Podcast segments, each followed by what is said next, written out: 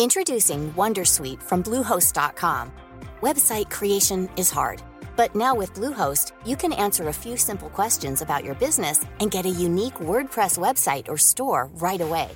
From there, you can customize your design, colors, and content. And Bluehost automatically helps you get found in search engines like Google and Bing. From step-by-step guidance to suggested plugins, Bluehost makes WordPress wonderful for everyone. Go to bluehost.com/wondersuite.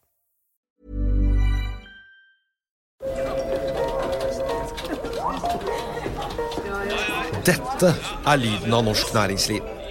Akkurat nå tas det små og store valg som kan bli avgjørende for fremtiden. Med økonomisystemet X-Leger tas disse beslutningene basert på informasjon i sanntid, slik at drømmer og ambisjoner kan bli virkelighet. Få kontroll og oversikt, gå inn på xledger.no. Denne sendingen er sponset av Xleger.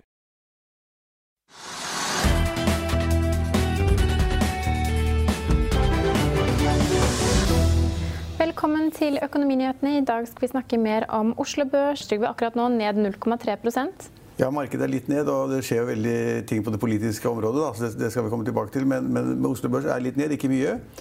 Og det som har skjedd i dag, er egentlig sånn litt spennende ting ut fra det vi har diskutert tidligere, nemlig hva som har skjedd med Rex-silikon, som er da ned 20 eh, i løpet av dagen. Og der var det jo slik at Rex-silikon har vært forhindret fra å selge silisium fra USA, fabrikk i USA til Kina pga. tollavtalene mellom tollkonfliktene, eller tollkrangelen mellom USA og Kina. Og da det nå ble en avtale én, og liksom alt var i orden, og, og, og Kina og USA skulle være enige om alt mulig rart, så så gikk da kursen på på Rex-silikon i været. og Det var da den berømte historien om at Jens Ulltvedt ville eller kunne eller måtte selge aksjene sine. De ble kjøpt av Kjell Inge Røkkes selskaper. Så steg de med et par hundre millioner kroner da den, denne avtalen nummer én ble, ble, ferdig. Og så kom da nå plutselig meldingen om at selv om det var en avtale én, og USA og Kina var enige, så vil at Kina opprettholde den tollen de hatt, jeg tror det var 57% på silisium fra USA.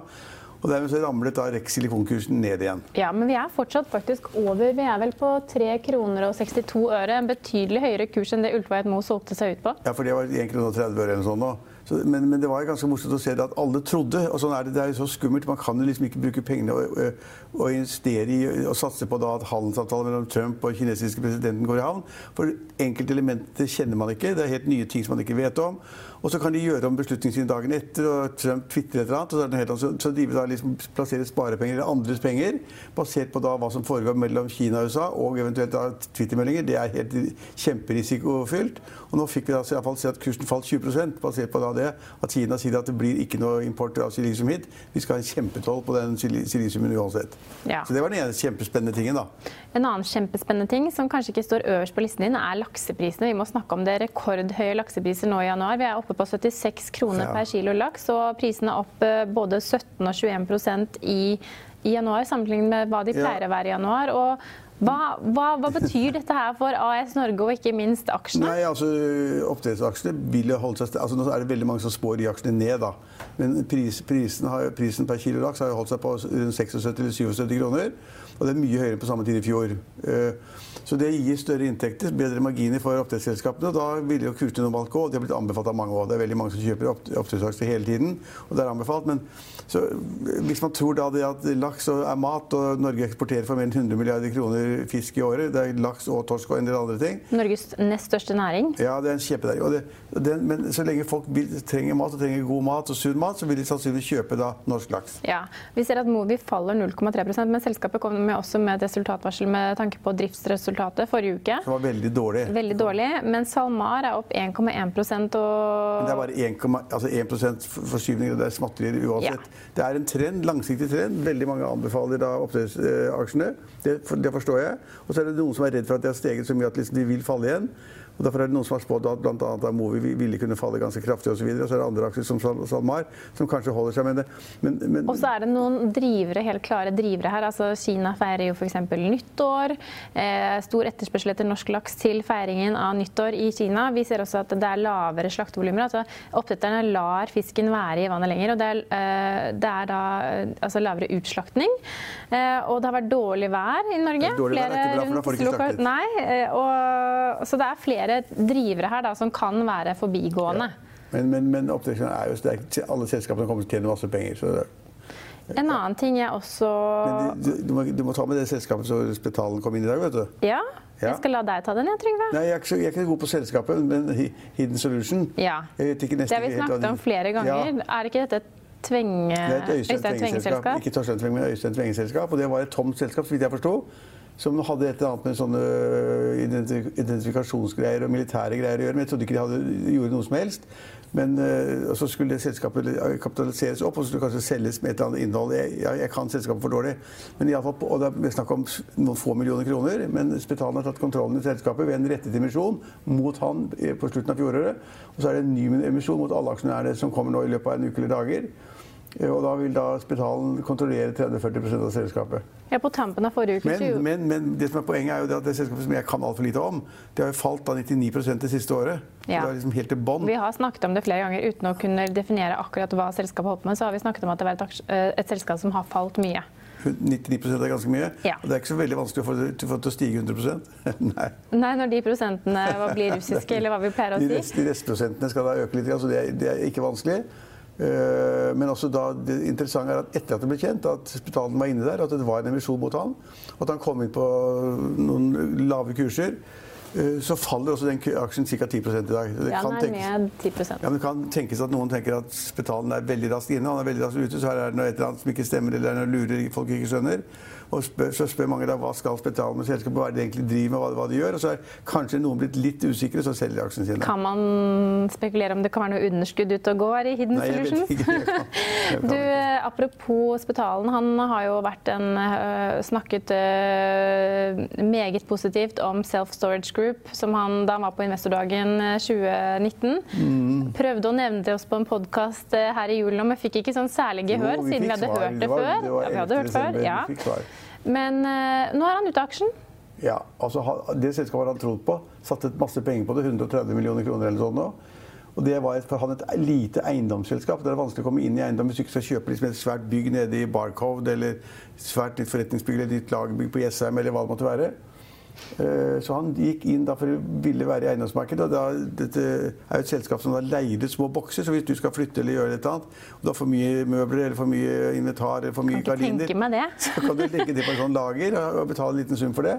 Det var en ganske god forretningsidé, men jeg tenkte kanskje at det var litt for lett å kopiere det. Men det har det ikke vært. Og så, og så var han med da han kjøpte aksjer på 130 millioner kroner, så solgte han òg for 500 eller sånn, og så har han tjent 370 millioner kroner. Gevinsten ble rett og slett for uh, ja, bra en- til å gå glipp av. Ja, det var en kjempegevinst. Og en profesjonell eh, investor som Spetalen burde da selge. Og så er det da noen som har sagt at, eh, at han da, da var jo i, altså, i samtale med oss, det var vel midt i desember, vi laget denne podkasten, at han da på en måte da bevisst sa at dette er et flott selskap for å holde kursen opp, og så skulle han da, når det gikk en måned eller to eller et eller annet, selge da aksjene i markedet. Eh, Men sånn tror jeg ikke det er. Nei, og Dessuten så hadde vi allerede hørt det aksjetipset Spedalen kom med i juni, så han Ja. fikk ikke lov til å snakke noe særlig mer enn det enn å nevne det. og det Nei, bør vi kanskje og også har ta med. til, Hvis vi spør konkret om har du en aksje du tror på, så må man få lov til å si det. Vi kan ikke derfor si det at når du da måtte forbud mot å selge aksjene i løpet, før det har gått en måned eller to eller tre, så, så det er bare tull, selvfølgelig. Ja, Men en annen litt spennende nyhet i dag. Noen sa jo da dette er liksom måten man blir rik på. Følg spedalen. Ja. Men, hvis man, men vi har jo tidligere sagt at hvis, du, hvis Betalen er på Chorizoen, så skulle du vært på Skampin, for han er videre før du vet ordet av det. Ja. Men ok, SAS jobber med et nytt flyselskap. De sier en svensk avis. Et lavpris flyselskap. Tror vi på det, Trygve? Norwegian faller 2,5 i dag. ja, altså Norwegian faller 2% og Storebrand faller 2 og, og det er flere selskap av de store tunge som faller 2 i dag. Eh, Det er derfor markedet totalt er litt ned. Nei, altså det det syns jeg er komplisert. Eh, Det er så mange flyselskaper i Europa. Det er så mange som går konk. Det er så mange som driver dårlig. Det er så mange som har underskudd. Det er så mange som trenger mer kapital. Ryanair er det eneste selskapet som tjener rått med penger. Jeg tror de tjener 10 milliarder i året eller sånn. Det er helt vilt. Eh, Så at SAS skal gå inn i det segmentet det, altså De kan godt tenke seg at de vil prøve på det. De har systemene, de har eh, salg, og de har booking, og de har alt mulig rart. Og de har basene sine. Men det høres ikke ut som en veldig god forretningsidé. Nei, Samtidig så sier Etihad Airways at de skal bli CO2-nøytrale innen 30 år. Ja, 30 år det er så lenge til at det kan man nesten ikke forestille seg. Det er veldig lenge til da.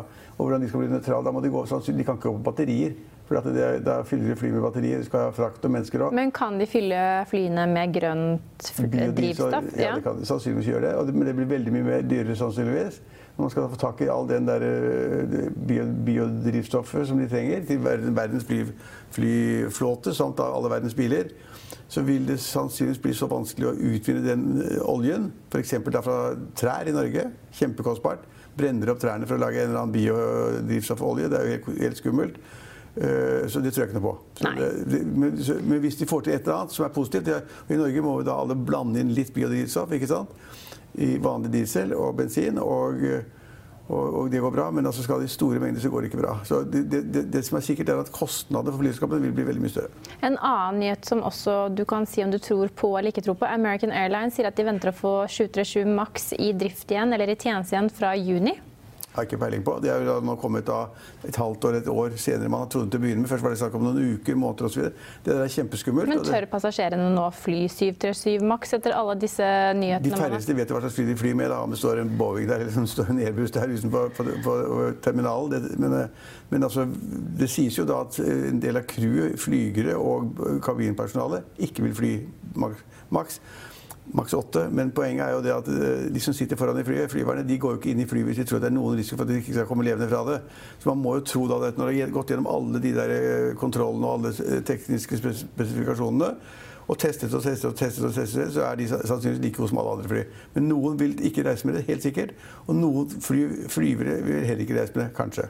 Vi har snakket mye om hvordan det står til i oljeservicemarkedet. Kepler Chevrolet sier nå at de må, det må flere borerigger ut av markedet for å få balanse. I fjor forsvant det 37 eh, borerigger som ble skrapet. Hva tror du, Trygve? Vil vi jeg tror, ja, jeg tror at det markedet er altfor mange rigger. Det blir kontrollert altfor mye, både av sånne jackups og flytere. Eh, og de må ut av markedet. Det er som du sier, det er 30-40 rigger som er skrapet i fjor. Eh, noen sier at det må skrapes vel like mange rigger i år for å få en rimelig rate for det. Men det er mange av disse, ting, disse riggene som ligger i, opplag. For å ta de ut av et såkalt kaldt opplag, da, få de i drift enten i Sør-Amerika eller i Afrika eller i, hvor det måtte være, så koster det kanskje opp mot 100 millioner dollar for én rigg. Eh, nå får de også godt betalt hvis de har noe å gjøre, men altså, det, er, markedet er dårlig. Det, er veldig, det, lover ikke godt for Borr eller andre. Det, det riggmarkedet er svakt. Og selv om man tar ut og skraper, da, bare prøver å selge stålverdien, så er det langt frem. Så altfor mange rigger i verden. Bak oss nå er det Boris Johnson på TV. Han sto for brexit i dag. Har vi hatt frexit i Norge, Trygve? FrPs exit av regjering? Frexit, ja. Ja, nei, men det, ganske, det, var ikke helt uventet. da. Det har vært så mye diskusjon om hva Fremskrittspartiet ville gjøre. Da man nå, regjeringen da bestemte seg i oktober, visstnok, for da å hente denne norske kvinnen som satt i en, sånn, en leir i Syria hvor hun da angivelig hadde et barn som var fem år og som var så sykt at hvis de ikke fikk behandling i Norge, så ville de dø. Og Da valgte regjeringen med Solberg i spissen å se på, se på de humanistiske sidene ved det.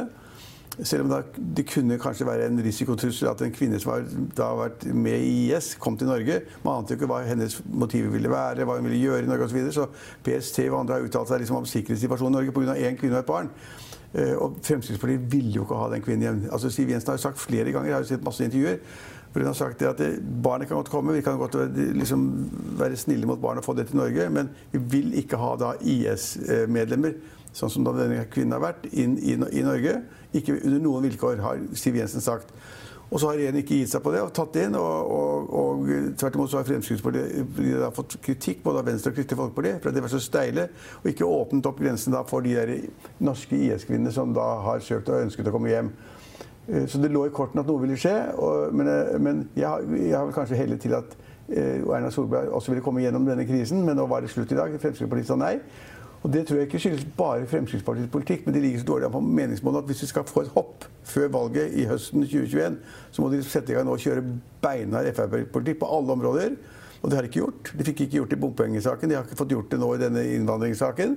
Så det er så mange i sentrale personer i Fremskrittspartiet som sa at den eneste måten vi kan redde oss selv, er å gå ut av regjeringen og la Erna Solberg bli sittende der med Venstre og Kristelig Folkeparti. Og Hvordan får regjer altså regjeringen det nå som Frp er ute av regjering? Vil det bli vanskeligere for eh, den resterende regjeringen å få gjennom saker? Ja, altså, Fremskrittspartiet må jo være støtteparti for regjeringen. Altså Hvis Fremskrittspartiet stemmer eh, Solberg ut, altså da overlate eh, kontoret til eh, Jonas Gahr Støre, det tror jeg mange av velgerne i Fremskrittspartiet ikke ville godta. Siv Jensen har vel også sagt at Erna Solberg er den riktige personen til å styre landet? Ja. Men, altså, men, så, så, de må følge med. Men de blir jo sånn støtteparti, da. Det blir mye vanskeligere for Erna Solberg å finne da liksom temaer eller valg som skal gjøres, og hvor hun da på forhånd vet omtrent hvordan Fremskrittspartiet vil stemme, eller forhåndskonsultasjoner med Fremskrittspartiet, vet hvordan de skal stemme. for nå må hun manøvrere slik at hun får flertall i Stortinget hele veien. Og det, det, blir mye vanskeligere. og Opposisjonen gliser seg i dag, i dag voldsomt og fryder seg over at det er enda verre for Solberg og enda verre for Venstre og enda verre for Kristelig Folkeparti. Mens da Siv Jensen og Fremskrittspartiets tillitsmenn over hele landet skal si at nå skal vi få igjen vår politikk, og nå skal vi banke opp alle de andre. Ja, og eh, Jonas Gahr Støre kaller dette regjeringskaoset nå for komplett. Eh, som du sier, han, en, du, du, sa tidligere i et intervju rett etter at vi fikk vite at det ble en eh, Frp-exit, at det var en gavepakke til de rød-grønne. Jeg mener det er en gavepakke, for at nå er det enda mer rot, enda mer kaos, vil opposisjonen si. Og hva vil vi ha høsten 2021? Vil vi ha kaos og rot med Erna Solberg og de borgerlige partiene? Vil vi ha da en regjering ledet av Jonas Gahr Støre med SV, Senterpartiet og kanskje Miljøpartiet De Grønne? Jeg tror Det blir ikke lett å lage en regjering for de, blå, de, de rød-grønne heller. Eh, særlig ikke hvis vi skal ta med Miljøpartiet De Grønne inn i regjeringen. Men, men, det er klart det blir mye vanskelig for Erna Solberg. Altså, om hun har sovet dårlig om natta før, så blir det verre nå. Men Du sier at det ikke var uventet det som skjedde. Men nå hadde vi altså da eh, Erna Solberg som statsminister, men Siv Jensen som finansminister, og også Sylvi Listhaug som olje- og energiminister. Eh, var, var ikke dette vervet så viktig at eh, det var likevel verdt å være i regjering? Jo, det er et veldig godt spørsmål. Det er en veldig god problemstilling. Altså, de hadde to helt sentrale posisjoner. Bortsett fra statsministeren, selvfølgelig, så hadde de finansministeren, som er helt sentral i norsk økonomi. Påvirker skatter og avgifter, finans, finanspolitikken og uh, hva staten kan gjøre. Altså, hadde helt kontroll med et departement som er helt avgjørende. Som er en kjempeposisjon. Skulle gjerne hatt den, jeg. Uh, og så olje, fikk de olje- og energiministeren. Riktignok en politiker som er ganske upopulær, men jeg er helt sikker på at hun ville stå beinhardt på at de skulle føre en tøff olje- og energipolitikk. Ny, hun ga ut, uh, Det var bare to-tre dager siden at hun ga ut 60, 40, rundt 40 nye letelisenser. Dvs. Si at da hun ba oljeselskapene i verden om å bruke penger på å lete etter mer olje og gass i Nordsjøen og i Barentshavet. Hun ville stått beinhardt på det, hun ville ikke tullet med noe som helst. Er, så, så, det var også en god posisjon å være i Olje- og energidepartementet. Norges største inntektskilde. Og da finansministeren. Det var to kjempeposisjoner som de nå har gitt fra seg. Og jeg er kjempespent på hvem som får de to plassene. Ja, for at nå gjenstår spørsmålet, Hvem er det som kan komme inn og fylle skoene til Siv Jensen, Sylvi Listhaug og en rekke andre sentrale ja, det er, politikere? Det er selvfølgelig mange personer, ingen er unnværlige, men det er mange posisjoner. men det er to viktige posisjoner, og det er utrolig spennende hvem som får de posisjonene. Og hvis det blir en svak olje- og energiminister, så det vil ikke være bra for da fremtidige letinger og fremtidige, fremtidige da, inntekter fra olje- og gassindustrien i Norge de, de kommende 50-60 årene. Noen vil at det skal slutte om fem år. Eh, så det er ikke bra. Og hvem som kommer inn som finansminister, der kan man nok Der er eh, embetsverket så sterkt. Altså, de meste går i faste spor sånn, nesten uansett. Men det er to, det, du har helt, helt, rett at det er et kjempepoeng. Hvem får de departementene, og hvor, og hvor dumt er det da for Fremskrittspartiet å gi avkall på de to posisjonene? Tør man å spekulere, eller kan man eh, Nei. drodle rundt hvem som kan komme til å bli finansminister? Altså, er, det er jo i prinsippet den viktigste rollen man har i et land, foruten ja. statsminister. Nei, jeg har tenkt å søke på den. Du har tenkt å søke på den? Ja, men da får vi starte den, kampanjen. For du får bare komme deg på Twitter, Trygve, for det er der man styrer nei, kampanjer fra. Du skulle svart nå. Vi, vi, vi, vil ha deg som redaktør. skulle svart nå. Vi vil ha deg som ja, redaktør. Ja, ja, eller kommentator på FA-TV, ikke minst. Men, men, så du tør ikke å, å, kaste noen navn opp i hatten på hvem som kan Nei. Ja, det er så mange varianter av det, og mange personer uh, Erna Solberg Er det veldig mange som peker seg ut som en sånn Nei, det er ikke mange som peker seg ut som uh, som ny finansminister. Men det var jo ingen som trodde at Sylvi Listhaug skulle bli olje- og energiminister heller. Nei, for de som var sjeleglade for at hun forsvant ut av regjeringen, de, de satte vel kaffen i halsen når ja, hun kom fort inn igjen? Ja, De skjønte ingenting. Der fikk de en sterk kvinne i et veldig viktig område i norsk politikk. Og hun har åpnet kjempebra de første ukene, og alle har vært forbløffet. Så der finner de nok en eller annen person til som er like sterk og flink som henne. Og så er det da litt vanskeligere å finne en finansminister, men ja, du bør helst være økonom, mener jeg da. Kunne litt pengepolitikk og finanspolitikk. Ja. Så spenningen er ikke over, selv om den store Nei. nyheten øh, sprakk i dag? Nei, i dag må vi følge med på alle nyhetssendingene. Ja.